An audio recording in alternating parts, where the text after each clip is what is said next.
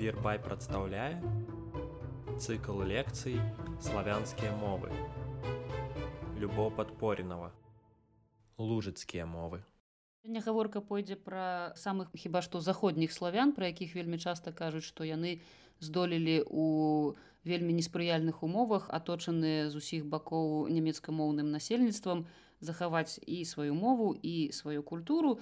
І вось будзем сёння разбірацца і разглядаць ці настолькі гэта ўсё аптымістычна ці настолькі гэта ўсё праўда ці далей захаваецца такая тэндэнцыя. Вось на сённяшні дзень носьбітаў моў пра якія я сёння буду казаць налічваецца паводле розных крыніц ад 20 до 30 тысяч а прадстаўнікоў народу што таксама вельмі важна ўлічваць налічваецца каля 60 тысяч. То бок ужо можна зрабіць выснову што ўсё не так проста. І не так проста ў першую чаргу з назвай гэтага народу з назвай моў пра якія будзе гаворка гэта лужыцкія мовы і адпаведна народ лужычане. Лужыцкія мовы альбо лужычане ўсе гэтыя назвы паходзяць ад назвы рэгіёну лужыца гэта ўсход германії і трошки заходняй польшчы. Цалкам магчыма што на слыху альбо прынамсі распазнавальнымі будуць назвы таких гарадоў у нямметчыне як котбус который по-лужыцку называется хошебус баусен это лужыцкая назва будышин і дрезден. Ну, дрезден хіба самы вядомы па-лужыцку праўда наўрад ці атрымалася праспазнаць гэтую назву. Гэта дрэжджаны гэта рэгіён назва якога сама у сваю чаргу паходзіць хутчэй за ўсё і вялікая колькасць лінгвістаў згаджаецца з гэтай версіяй ад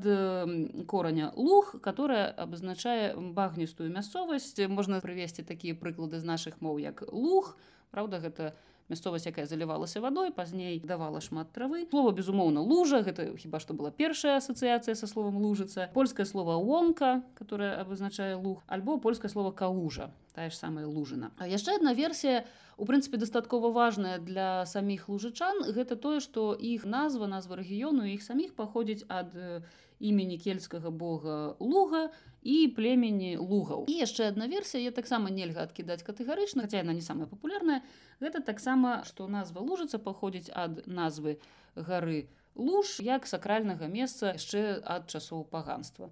Вельмі часта можна пачуць такія акрэсленні для гэтых моў і іх носьбітаў як серба-лужыцкія мовы і адпаведна носьбітамі іх будуць сербы-лужычане, альбо лужыцкія мовы носьбітамі якіх з'яўляюцца сербы. Гэта ўсё адны і тыя ж мовы і адны і тыя ж носьбіты просто чарговая назва.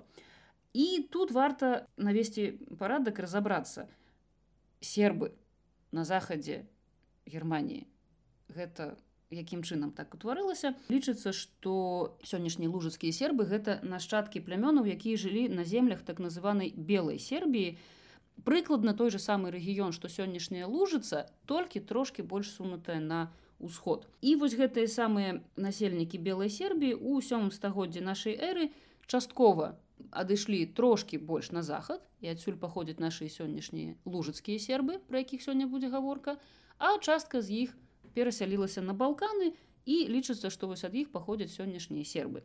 Дарэчы у прыватных размовах лужыцкія сербы неаднаразова падкрэсліваюць што вось мы сербы сапраўдныя мы тут былі спрадвеку ну конечно ніхто не кажа там про нейкія перасоўванні на захад мы тут былі спрадвеку а вось гэтыя балканскія прытым колькі там было няволі колькі там было не славянскіх уплываў гэта ўжо сербы ну ледзь не выключна по назве. Яшчэ варта звярнуць увагу што часам можна сустрэць такія назвы моў як венская мова ну адпаведна яе носьбіты венды і сорбская мова і яно збіты сорбы. Вось гэтая назва венды паходзіць яшчэ ад антычных аўтараў такіх як герадот, тацыт, пліні старэйшы. Вось гэтыя назвы у версіі венедзі венеці яна насамрэч выкарыстоўвалася для таго каб акрэсліць усіх славян на ўсход і на паўднёвы ўсход ад германскіх плямёнаў ну а хто яшчэ бліжэйшы будзе да германскіх плямёнаў як не сённяшнія лужыцкія сербы. Вось іх называлі вендамі. Гэтая назва была перанятая пазней уже нямецкай мовай у постаці венден на жаль за ёй замацавалася вельмі негатыўная канатацыя. Венден гэта быў такі вось лужыцкі серп у называется найгоршым значэнні гэтага слова неадукаваны цёмны схільны да таго каб выпіць не вельмі працавіты. Вось нейкі такі славянскі лайдак. Хаця у двадцатым стагоддзе вось гэтая назва венден перажывае вельмі цікавую трансфармацыю у тым як яе ўжываюць таму што зараз ну, не на сто процентаў але амаль на сто процентаў назва венден адносіцца да жыхароў ніжняй лужыцы. І для іх зараз гэта сама назва которая падкрэслівае іх адметнасць і адрозненне як ад жыхароў верхняй лужыцы гэтак і ад немцаў. То бок гэта цяпер ужо пераўтвараецца ў такую назву ну, якая якой якая надзяляецца пэўным гонарам і вартасцю і вось спосабам адмежавацца ад верхніх да ад жыхароў верхняй лужыцы альбо сорбаў. Назва сорбы была ўведзеная ў германії пасля другой сусветнай вайны як афіцыйная назва ўсяго гэтага сербалужыцкага народу менавіта дзеля таго каб пазбегнуць вось этой ператыўнасці негатыўных ацэнак якімі насычалася слова венден у свой час. І нарэшце мы можемм мець дачыненне з такімі назвамі як верхня лужыцкая мова і ніжня лужыцкая мова. Верхняя лужыца паўднёвая частка гэта гэтага рэгіёну з цэнтрам у баўцане альбо вось як я ўжо казала па верхнялужыцку гэта будышін гэта гістарычна землі которые належалі да саксоніі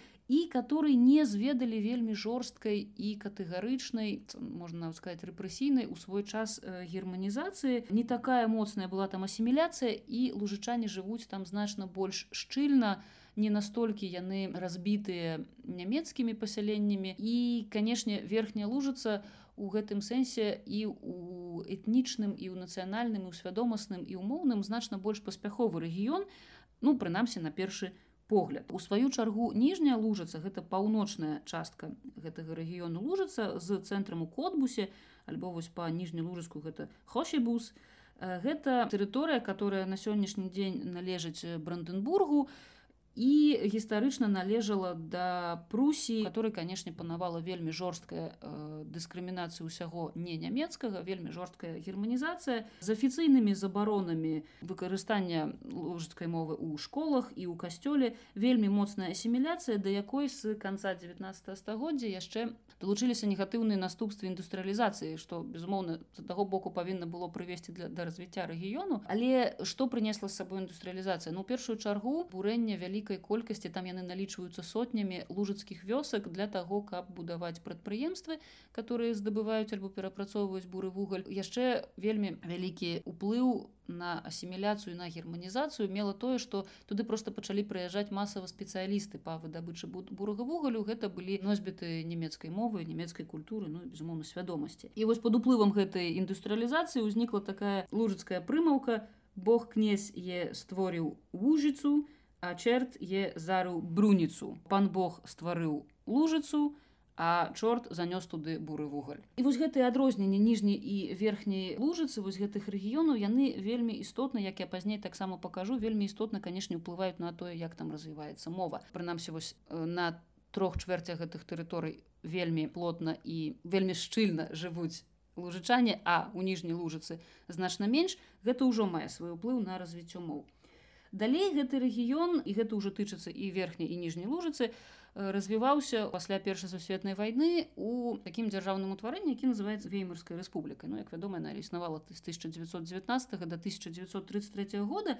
І тут тэарэтычна сітуацыя палепшылася. Прынамсі 113 артыкул канстытуцыі веймарскай рэспублікі гарантаваў развіццё нацыянальнай культуры навучання на лужыцкай мове што то абсалютна не азначала што гэтыя ўсе гаранты выконваліся што раптам пачала развівацца лужыцкая адукацыя. Вельмі часта арганізацыі которые дзейнічалі скажем так под маркай вось забеспячэння правоў лужычан вельмі часта на жаль як потым высветлілася займаліся шпіянажам займаліся зборам інфармацыі пра найбольш актыўных дзеячоў так ці інакш мы не можемм гэтага забывацца не германскага не нямецкага насельніцтва. Потым пачынаецца трэці рэйх который цяжка было б сабе уявіць іначай суправаджаецца вельмі сур'ёзнымі рэпрэсіямі супраць лужычан рэпрэсіі супраць публіцыстаў выдаўцоў грамадскіх лідараў. У вялікай колькасці прадстаўнікі лужыцкага руху і лужыцкага інтэлектуальнага культурнага жыцця трапляюць у канцлагеры. З'яўляюцца антылужыцкія лозунгі ажыццяўляецца вельмі жорсткі кантроль за тымі не нешматлікімі лужыцкімі арганізацыямі которые яшчэ засталіся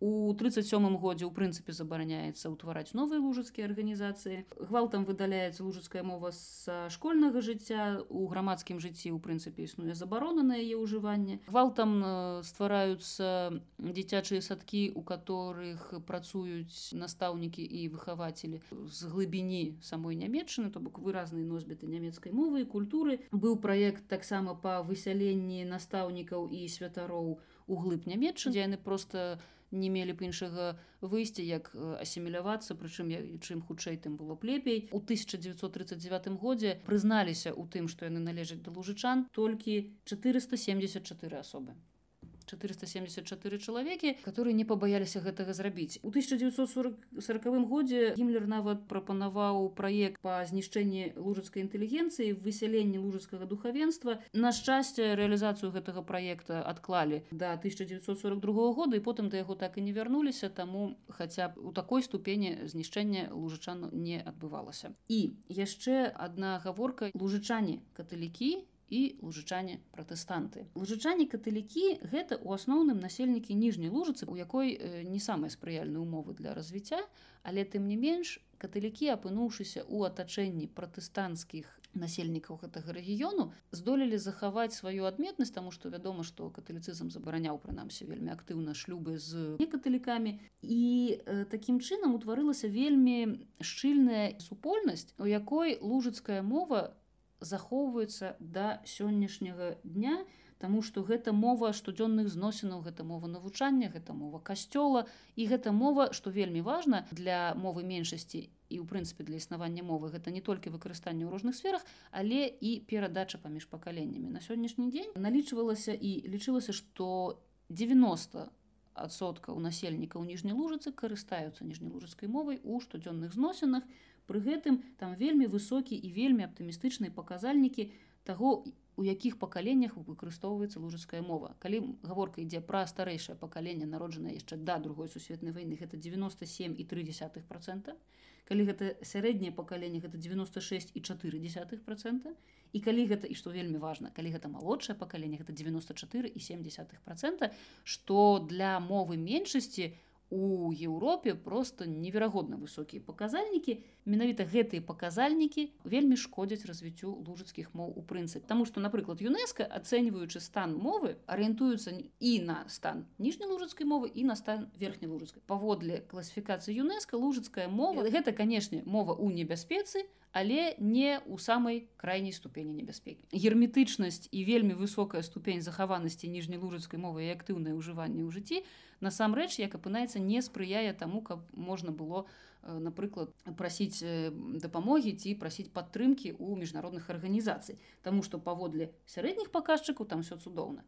Толькі трэба заўважыць, што жыхары ніжняй лужыцы гэта на сённяшні дзень каля 12 альбо 15 тысяч чалавек. І колькасць яна паступова зніжаецца. Что адбываецца у верхняй лужыцы? Там насельніцтва у асноўным пратэстанцкае. Калі лужычане атрымліваюць пратэстантызм яны апынаюцца сярод такіх жа па вялікім рахунку пратэстантаў у якіх у касцёле пануе нямецкая мова і значна лягчэй і значна хутчэй і значна больш інтэнсіўна тут адбываецца германізацыя і асіміляцыя. Таму што быць прыналежным да таго ж самага касцёла але размаўляць на іншай мове гэта хутчэй было парадоксам. Ні ў школе ні ў касцёле ні ў дома ні ў грамадскім ні ў палітычным жыцці верхнялужская мова нідзе не дамінуе і вельмі часта просто не пануе. І вельмі цяжкая сітуацыя з перадачай мовы паміж пакаленнямі. Калі ў старэйшым пакаленні верхнялужскай мовы карыстаюцца 49,1 процентаў то ў сярэднім ужо 21,8 і 9,1 процента лужыцкай мовы карыстаецца малодшае пакаленне. Вельмі часта паводле ўласнага выбару э, вельмі часта гэта ўсё роўна э, прадстаўнікі лужычан которые у пераважнай большасці сфер свайго жыцця карыстаюцца ўсё ж таки мовай нямецкай. Што адбываецца пазней? Пратэстантаў у колькасна атрымліваецца ў гэтым рэгіёне значна больш як і ў прынцыпе у нямецчыне і для уладаў гдр яны уяўляюць сабой дастаткова сур'ёзную небяспеку таму з пратэстантамі змагаліся значна больш актыўна чым з каталікамі. Каталікам хаця б не забаранялі праводзіць набажэнствы ну не кажучы ўжо канешне пра падтрымку каталіцкіх лужычан вядомым славянскім папам рымскім янам павлам другім дарэчы гэта правяло да некалькі разоў да вельмі камічных сітуацый тому што ян павел другі калі звяртаўся напрыклад па тэлебачанні да лужычан да лужыцкіх э, каталікоў ён э, меў такі звычай звяртацца да іх па лужыцу камічнасць сітуацыі была ў тым што калі э, гэта транслявалі ў нямецчыне то нямецкі перакладчык который павінен быў гэта перакладаць абсолютно не зарыентаваўся что гэта за мова і у адным з эфіраў там просто ляпнули что а зараз папа рымскі прамовіў да ніжніх лужычан па-арабску варта яшчэ таксама дадаць што лужычане каталікі ужываючы сваю мову у касцёле маюць вельмі прыхільных суседзяў каталікоў немцаў. Вось такі пэўны парадокс нібыта мова ў вельмі герметычна існуе супольнасці але пры гэтым немцы каталікі которые жывуць побач вельмі станоўча ставяцца да ніжнялужыцкай мовы ў касцёле. Вельмі выразны перыяд пачынаецца для гэтага рэгіёну пасля 1945 года года. Вось калі лужычане апынуліся ў складзе гдр пачынаецца вельмі цікавая эпоха тому что лужычане у сацыялістычным блоку былі такой узорнай нацыянальнай меншасцю. Абсалютна свядома вялася палітыка вынікам якой павінна была стаць такая вось магчымасць прадэманстраваць капіталістычным дзяржавам як добра у краінах сацлагера жывецца маленькім здавалася прыгнечаным народам этнасам і меншасцям. Гэта неверагодна вялікае фінансаванне ўсяго што звязана з гэтым рэгіёнам. А ўжо калі падыходзіць бліжэй інстытуцыяналізацыя культурнага і адукацыйнага жыцця лужыцкіх сербаў. Вельмі шырока пачынаюць функцыянаваць стварацца выдавецтвы которые выдаюць навуковую літаратуру по лужыцку якія выдаюць дзіцячую літаратуру по лужыцку пераклады сусветнай літаратуры на лужыцкія мовы. З'яўляецца вельмі актыўная сістэма сМ гэта лужыцкія газеты часопісы ажно дзве радыёстанцыі свая кінастудыя створаная ў 1980 годзе вытворчая група сербалужыцкага фільму. Зараз яе спадкаемцам пасля 90 -го года з'яўляецца сурабія фільм студыё адукацыя по сербалужыцку прынамсі на паперы рэалізуецца на ступенях ад дзіцячых садкоў да універсітэта ў 1951 годзе ствараецца на філалагічным факультэце лепсіцкага універсітэту інстытут сарабістыкі. Сарабістыка гэта дысцыпліна і сфера кой вывучаюцца сербалужыцкія мовы літаратуры культура і гісторыя. Ствараецца навуковы інстытут 1 траўня 1951 года. Ён называўся інстытут сербалужыцкага народазнаўства які пазней у будзе адным з структурных аддзяленняў акадэміі навук гдр что гэта прыносіць? Ну гэта прыносіць конечно безумоўную карысць. Гэта магчымасць праводзіць даследаванні на вельмі высокім узроўні магчымасць супастаўляць вынікі сваіх даследаванняў з вынікамі даследаванняў вельмі аўтарытэтных навукоўцаў у тым ліку напрыклад з акадэмікамі савецкага саюзу славістыка ў савецкім саюзе была на вельмі высокім узроўні пазней гэты інстытут сербалужыцкага народазнаўства пераўтвараецца перамяноваецца насамрэч просто ў сербалужыцкі інстытут ён знаходзіцца ў будзішыне альбо баўцыне з 92 -го года вось ён так называецца інстытуцыяналізацыя для жыцця нацыянальнага для культуры гэта канешне безумоўны плюс безумоўны бонус. І далёка не ўсе маленькія народы на сённяшні дзень гэта маюць але у Усё гэта адбывалася, як я ўжо сказала у вельмі спецыфічных умовах. І уся гэта інстытуцыяналізацыя адбывалася ва умовах вельмі жорсткай рэгламентацыі абсалютна ўсіх дзеянняў. Дэ-факта кажуць пра тое, што вось усе гэтыя гербалужацкія інстытуты былі такім сродкам перадачы каштоўнасцяў сацыялістычнага грамадства праз серба-лужацкую культуру. На сённяшні дзень гэта мае вельмі негатыўны ўплыў на самасвядомасць і на нейкую актыўнасць лужычан, Таму што само па сабе словазлучэнне прафесійны лужыцкі дзеяч гэта на сённяшні дзень хутчэй абраза і мянушка. Таму што у афіцыйных інстытутах сербалужыцкага жыцця можна было дастаткова лёгка і хутка зрабіць проста бліскучую кар'еру пры умове вядома лаяльнасці да таго як усё адбывалася. Як гэта вельмі часта бывала ў сацыялістычных краінах усё зводзілася і звужалася да фальклору нацыянальных касцюмаў. Прычым у такім вельмі я кажу замарожаным стане вельмі часта заставалася просто вось гэтая форма. Цалкам ігнаравалася сучаснае сербалужыцкае жыццё працэсы нейкія канфлікты праблемы памкненні мастакоў памкненні жыхароў нешта змяняць. Сімвалам вось гэтага з'яўляецца организация, которая по Лужицку называется Домовина Айчина. Это организация, которая контролюет абсолютно все. Коли на сегодняшний день есть жадание оживить некий проект, то трэба мець згоду домавіны Таму што менавіта праз гэтую структуру у тым ліку праходзіць фінансаванне у тым ліку на гэтым узроўні вельмі важна ўсё ўзгадніць каб нейкі праект меў права на жыццё. Такія дзеячы которые не прытрымліваюцца гэтай праграмы яны адначасова прызнаюць што без яе лужычан дакладна б ужо не было але пры гэтым яны кажуць што яны настолькі захраслі і замарозіліся у вось гэтых старых формах працы што сталі амаль ну, гутарковай мовы кажучы амаль непрабівальныя для чагосьці новага. Яшчэ одна вельмі вялікая праблема што вось усе гэтыя інстытуты пра якія я казала мал таго што тэрытарыяльна канцэнтруюцца на тэрыторыі верхняй лужыцы і адпаведна на верхнялужыцкую мову і нейкія культурныя асаблівасці. Адрозненні дарэчы паміж верхнялужыцкай ніжнялужыцкай мовы значна больш сур'ёзнай чым можа можа падацца. Яны ёсць на абсалютна на ўсіх узроўнях пачынаючы ад фанетыкі заканчваючы сінтаксісам. Верхнялужыцкія і ніжнялужыцкія мовы для сябе не вельмі ўзаемазразумелыя. Самае хутчэй што прыкрае мы знойдзем нямецкая лужыцкія слоўнікі лужыцка-нямецкія слоўнікі прычым і верхнялужыцка-нямецкі ніжнялужыцка-нямецкі і ў адваротным кірунку існуе верхнялужыцка рускі слоўнік і гэтак далей. Але на сённяшні дзень няма ніводнага верхнялужыцка ніжнялужыцкага слоўніка то бок пра ўзаемны пераклад гаворкі амаль не ідзе. Варта яшчэ таксама сказаць што з адукацыяй па лужыцку вось у гэты сацыялістычны перыяд таксама не было ўсё настолькі проста як гэта хацелі маляваць. Па вельмі простых прычынах якія захоўваюцца да сённяшняга дня.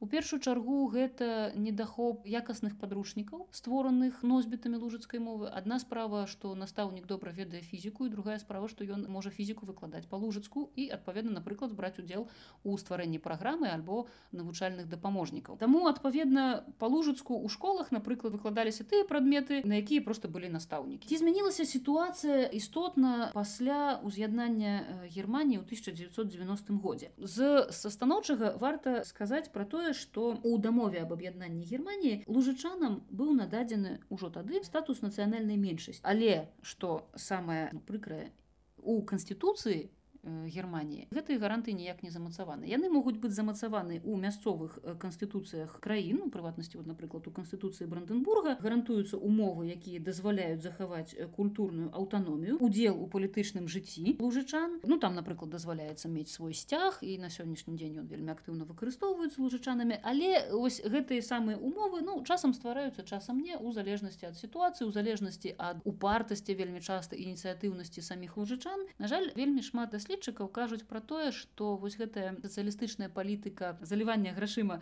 рэгіёну лужыцы прывяла да фармавання таго што называюць сёння лужычан комплексам вывучанай бездапаможнасці. Яшчэ ёсць одна сур'ёзная праблема ў гэтай нібыта ідэальнай сітуацыі. Вельмі абстрактныя фармулёўкі выкарыстоўваюцца ў дакументах якія павінны былі б гарантаваць вось гэтыя правы нацыянальнай меншасці.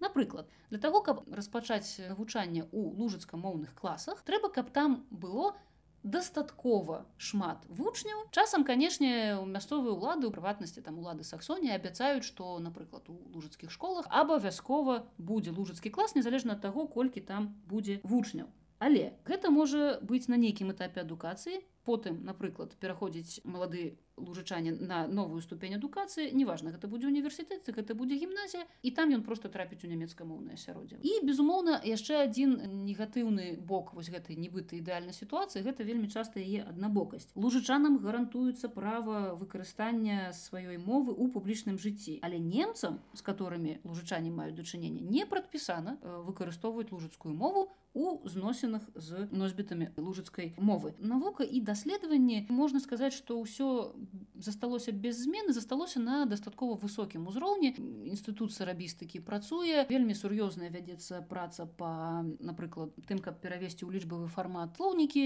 лужыцкія і зноў такі варта памятаць што ўсё гэта пераважна датычыцца верхняй лужыцкай мовы. У сМ сітуацыя выглядае так што газеты ёсць часопісы ёсць але наклад максімальны у гэта 1800 асобнікаў. Вельмі станоўчая тэндэнцыя гэта тое што пачаў выходзіць што месячнік который называется розглад ён публікуе тэксты на абедзвюх мовах паверхню лужыцку і па ніжнюю лужыцку што як мне здаецца адзін з таких крокаў да збліжэння менавіта вось утварэння такой згоды і супрацоўніцтва паміж верхнімі лужыцанамі і ніжнімі. Вельмі прыкрая сітуацыя у на радыё і ў тэлебачанні. На радыё транслюецца прыкладна 30 гадзін на тыдзень праграм по лужыцку што праўда транслююцца яны у такі час як напрыклад ад 6 до 8 раніцы з панядзелка по пятніцу ад 6 до 9 раніцы по суботах і ад 11 до 12:30 па нядзелях. З тэлебачаннем сітуацыя выглядае яшчэ цяжэй таму што ў ніжняй лужыцы з 1992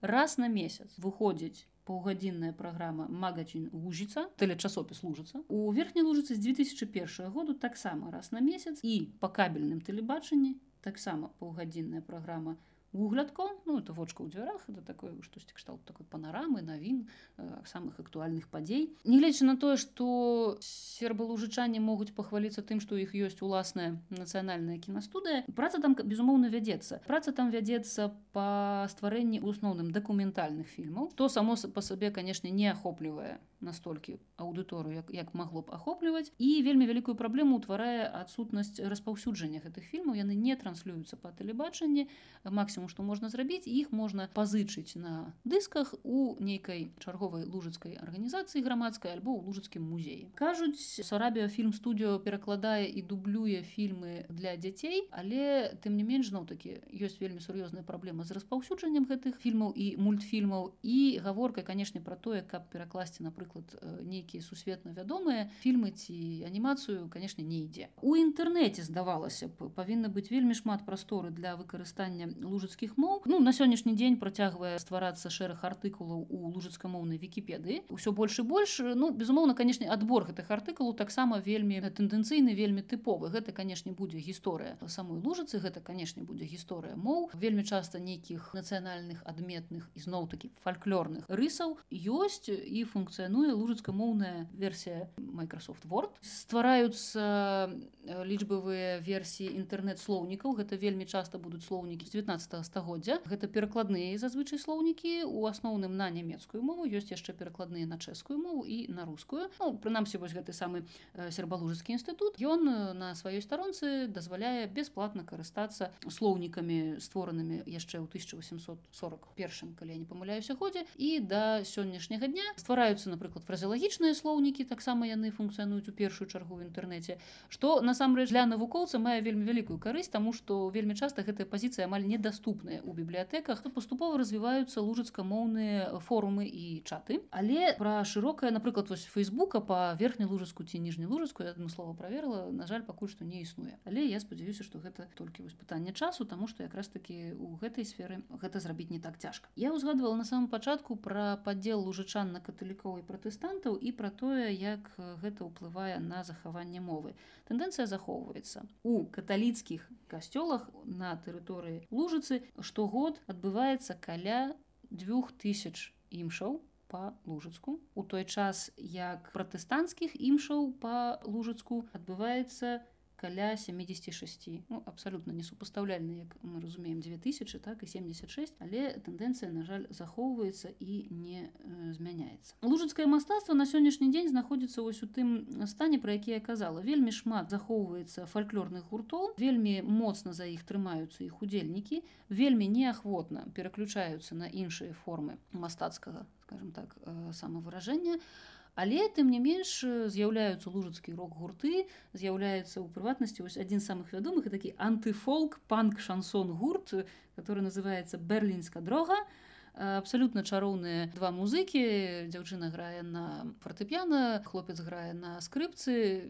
Яны даступныя на YouTube, вельмі заахвочваю шчыра асабістай сімпатыі да іх стаўлюся. І вось усе гэтыя гурты, ўсё гэтае не канвенцыйнае, не, не фальклорнае, не бабулька касцюмная, адбываецца вельмі часта под гідай под апекай арганізацый которые про іх так і кажуць наважыліся не каардынаваць свае дзеянні з арганізацыяй дому віна. Безумоўна гэта азначае вельмі ўрэзанае фінансаванне вельмі малыя магчымасці але такія арганізацыі ўсё ж такі ёсць. Яны падтрымліваюць вось такіх вось неканвенцыйных нетрадыцыйных мастакоў. І асобна я зараз спынюся на адукацыі на лужыцах тому что у нас ёсць такія асноўныя этапы як дзіцячы садок пачатковая школа тое што называется надпачатковая школа тут сярэдняя адукацыя і потым вышэйшая адукацыя вельмі цяжка уявіць сабе сітуацыю у якой маленькі лужычанин будзе вось праз усе гэтыя этапы вучыцца по лужыцку. Вышэйшая адукацыя Мачымая по вялікім рахунку толькі на сарабістыцы на філагічным факультэце у лейпсгу прычым вельмі часта гэтыя студэнты апынаюцца ў такой ізаляцыі тому что вакол іх будуць нямецкамоўныя студэнты нават калі гэта філолагі. І адпаведна зарабіць арабістыка рыхтуе будучых настаўнікаў будучых напрыклад чыноўнікаў лужыцкамоўных але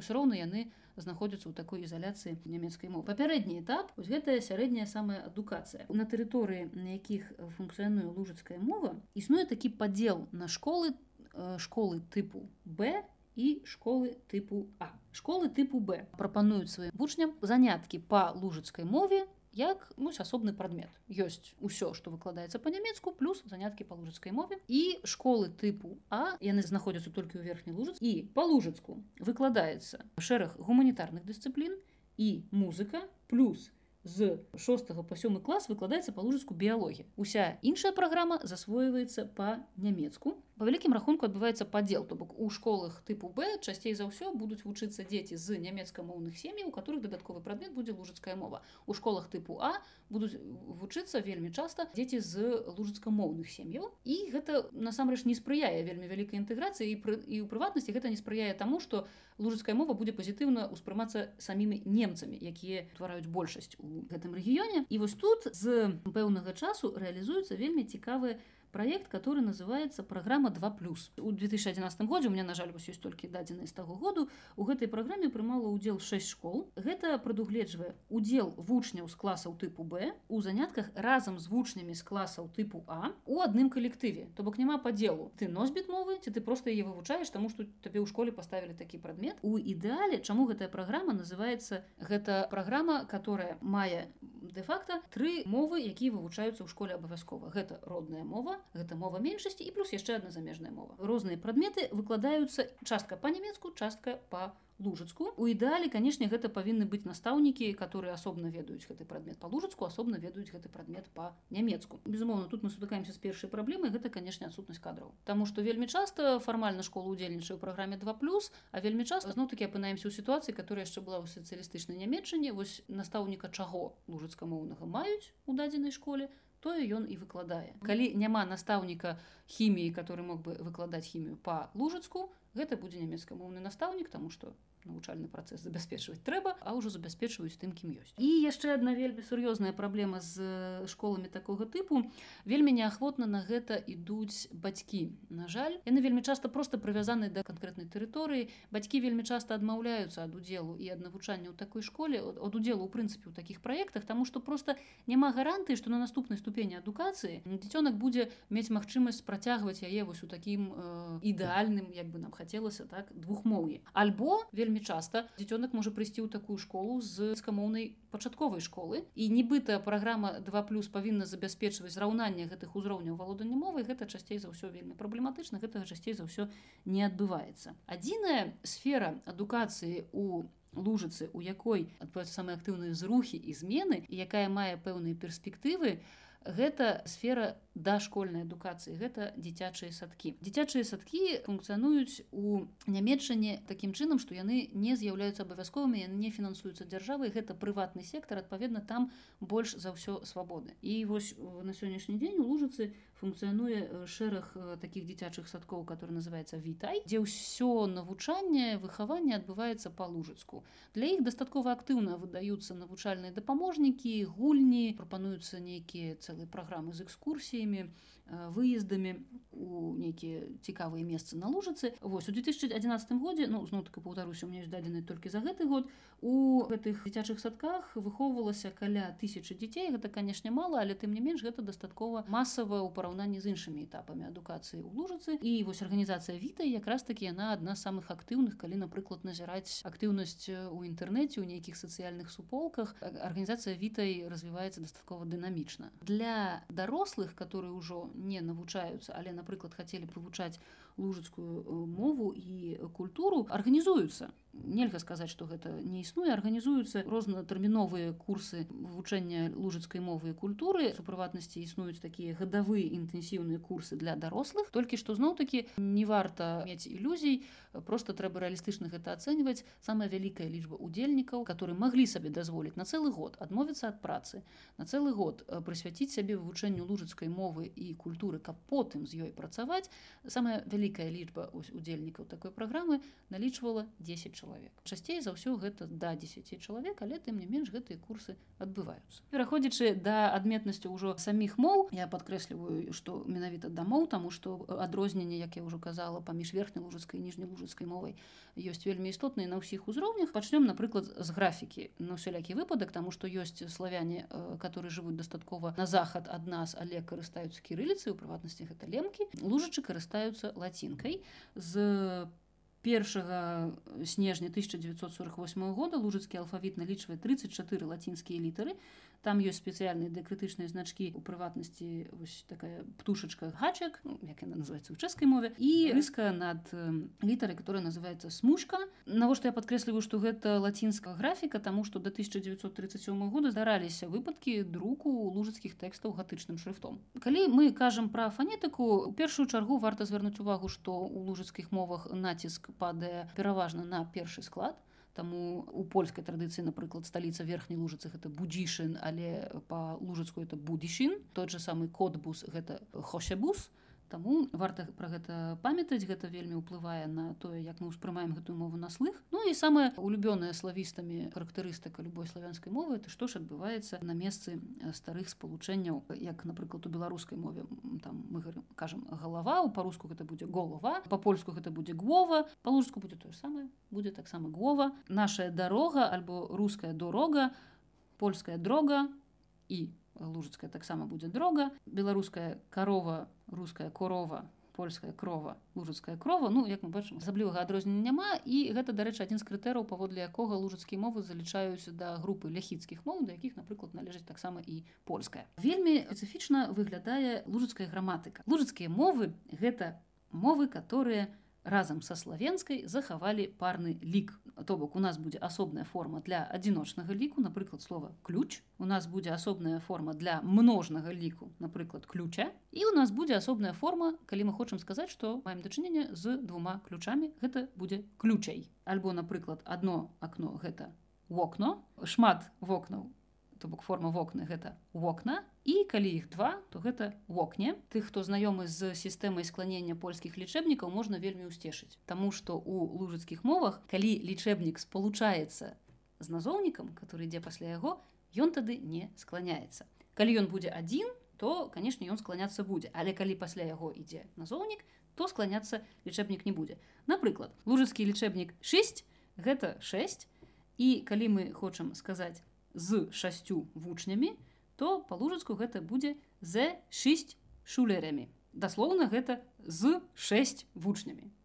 Не трэба думаць і пераймацца якую форму паставіць лічэбнік. Чым у сферы граматыкі адрозніваюцца верхняя лужыцкая і ніжнялужыцкая мова? Падобна вельмі да польскай мовы. У верхнялужыцкай мовы захоўваецца такая катэгорыя як мужчынская асоба. То бок калі мы называем у множным ліку нейкія прадметы ці аб'екты якія не з'яўляюцца мужчынамі то гэта будзе одна форма. Напрыклад гэта будзе форма дубы да то дубы. Калі называем мужчыну множным ліку гэта будзе іншая форма. І напрыклад вось сыны паверхні лужыцку гэта будзе сыною у польскай мове гэта былі б сынове гэта асобная эксклюзіўны канчатак ове толькі для назваў мужчынскіх асоб. Ніжнялужыцкай такой асаблівасці няма там уже ўсё больш-менш уніфікавана. У верхнялужыцкай захаваўся клічны склон значна больш актыўна чым у ніжняй лужыцы а затое у ніжняй лужыцкай мовы захавалася такая старая з'ява якая вядомая напрыклад славістам з курсу стараславянскай мовы як супін. Гэта адмысловая форма дзеяслова которая выкарыстоўваецца побач з дзеясловам руху і абазначае мэту дзеяння. То бок лужыцкая пойду спад гэта форма я пайду спаць я пайду таму што я збіраюся спаць і вось гэтая форма спад закончаная на ты гэта ёсць супін Таму што інфінітыў лужыцкі у такім выпадку гучаў бы як спащ і канешне адной з самых цікавых сфер калі мы кажам пра лужыцкія мовы гэта будзе канешне лексіка. Ну можна здагадацца канешне што лексіка лужычан гэта вялікая колькасць германізмаў Прычым германізмы бываюць як больш старыя. Напрыклад, лужыцкае слово гмейна з нямецкага гемайнды гэта значыць гміна вось адзінка падзелу адміністрацыйнага альбо проста вось гміна гэта таксама пэўная супольнасць пераважна у сельскай мясцовасці і больш канешне познія германізмы напрыклад слова шуля з нямецкага шуля это школа Ну і з уласцівым славянскім словаўтварэннем, напрыклад, шульство гэта сістэма адукацыі. Так? польская было б гэта ў гэтым выпадку там школьніцтва. Лужыцкае слово цэдла, которое паходзіць з нямецкага цэтэль нататка, картка, можна ўзгадаць вельмі падобнае беларускае слово цыдулка, цэтлік, якое паходзіць таксама з нямецкай мовы альбо слова борша альбо бурша з нямецкага бурша якое азначае хлопец вельмі часта вось калі ўзгадаць што такое бурса так вось это навучальную установу это будзе такі малады чалавек который вось у тым узросце который навучаецца ў такой установе. Без перакладу зразумелае слово шінка так гэта шынка вяндліна уласціва вельмі цікавая тэндэнцыя стварэння славянскіх слоў на лужыцкай аснове замест таго каб выкарыстоўваць нямецкія і вось прыкладам такога слова будзе напрыклад лужыцкае слово водарня замест васерверк водаправод і як я уже казала у лужыцкіх мовах вельмі часта суіснуюць словы германізмы которые былі спрадвеку і вось такі пурыстычныя славянскія словы. Напрыклад як по лужыцку будзе тысяча калі гэта будзе літаратурная мова то бок такая дастаткова штучная у пэўнай ступені гэта будзе тысяц а у гутарковай мове у жывой мове гэта будзе таузент но можна узгадаць нямецкая таузент правда ангельская таузент як напрыклад можна сказаць на гадзіннік по лужыцку у літаратурнай мове будзе такое славянскае слово часнік у гутаркове будзе зайгер ну, з зайгер нямецкага слова. І вось Такім чынам усё гэта суіснуе. Часам уступаю ў барацьбу часам свядома вельмі лужычане стараюцца пазбаўляцца нейкіх наноў створаных штучных канструкцый некаторыя вельмі трывала захоўваюцца ў лужацкіх мовах і прыжыліся і хутчэй за ўсё ўжо застануцца назаўсёды. Вось гэтая ўся сітуацыя пры тым што вонкава ўсё выглядае ідэальна і ўсе абяцанні выконваюцца альбо прынамсі ўсё гарантуецца. Унутраная сітуацыя як мы бачым дастаткова у лужацкіх мовах складаная але пры гэтым хочацца верыць што атрымаецца спалучыць усе гэтыя чыннікі і спадчыну у выглядзе вялікай вельмі добра арганізаванай сеткі вось гэтых інстытутаў. Ўсё ж такі сеткі навучальных устаноў выдавецтваў кінастудыі радыёстанцыі тэлебачання хочацца спадзявацца што атрымаецца спалучыць вось з гэтай зжытасцю вельмі высокай шчыльнасцю каталіцкіх лужачанкі захоўваюць свае і мову і культуру і гатовыя з гэтым заставацца вельмі доўга. Я ўсё ж такі атрымаецца сабраць у адно цэлае дзяржаўныя гаранты гэтую спадчыну сацыялістычнай нямецчыны і унутраную прывязанасць да лужыцкай мовы і культуры і змяніць усё ж такі самавобраз лужычаніна на таго хто варты павагі увагі і на таго хто мае вельмі сур'ёзную перавагу перад тым хто карыстаецца толькі нямецкай мовай. Вось хочацца верыць што ўсё гэта правядзе да таго што лужыцкія мовы якім ніхто не адмаўляе вельмі даўно ў статусе моў насамрэч у пачнуць функцыянаваць яшчэ больш актыўна і пра іх можна будзе яшчэ шмат цікавага даведвацца і цалкам магчыма што яны могуць стаць прыкладам выхаду з вельмі цяжкага становішча з выкарыстаннем усіх магчымых ресурсаў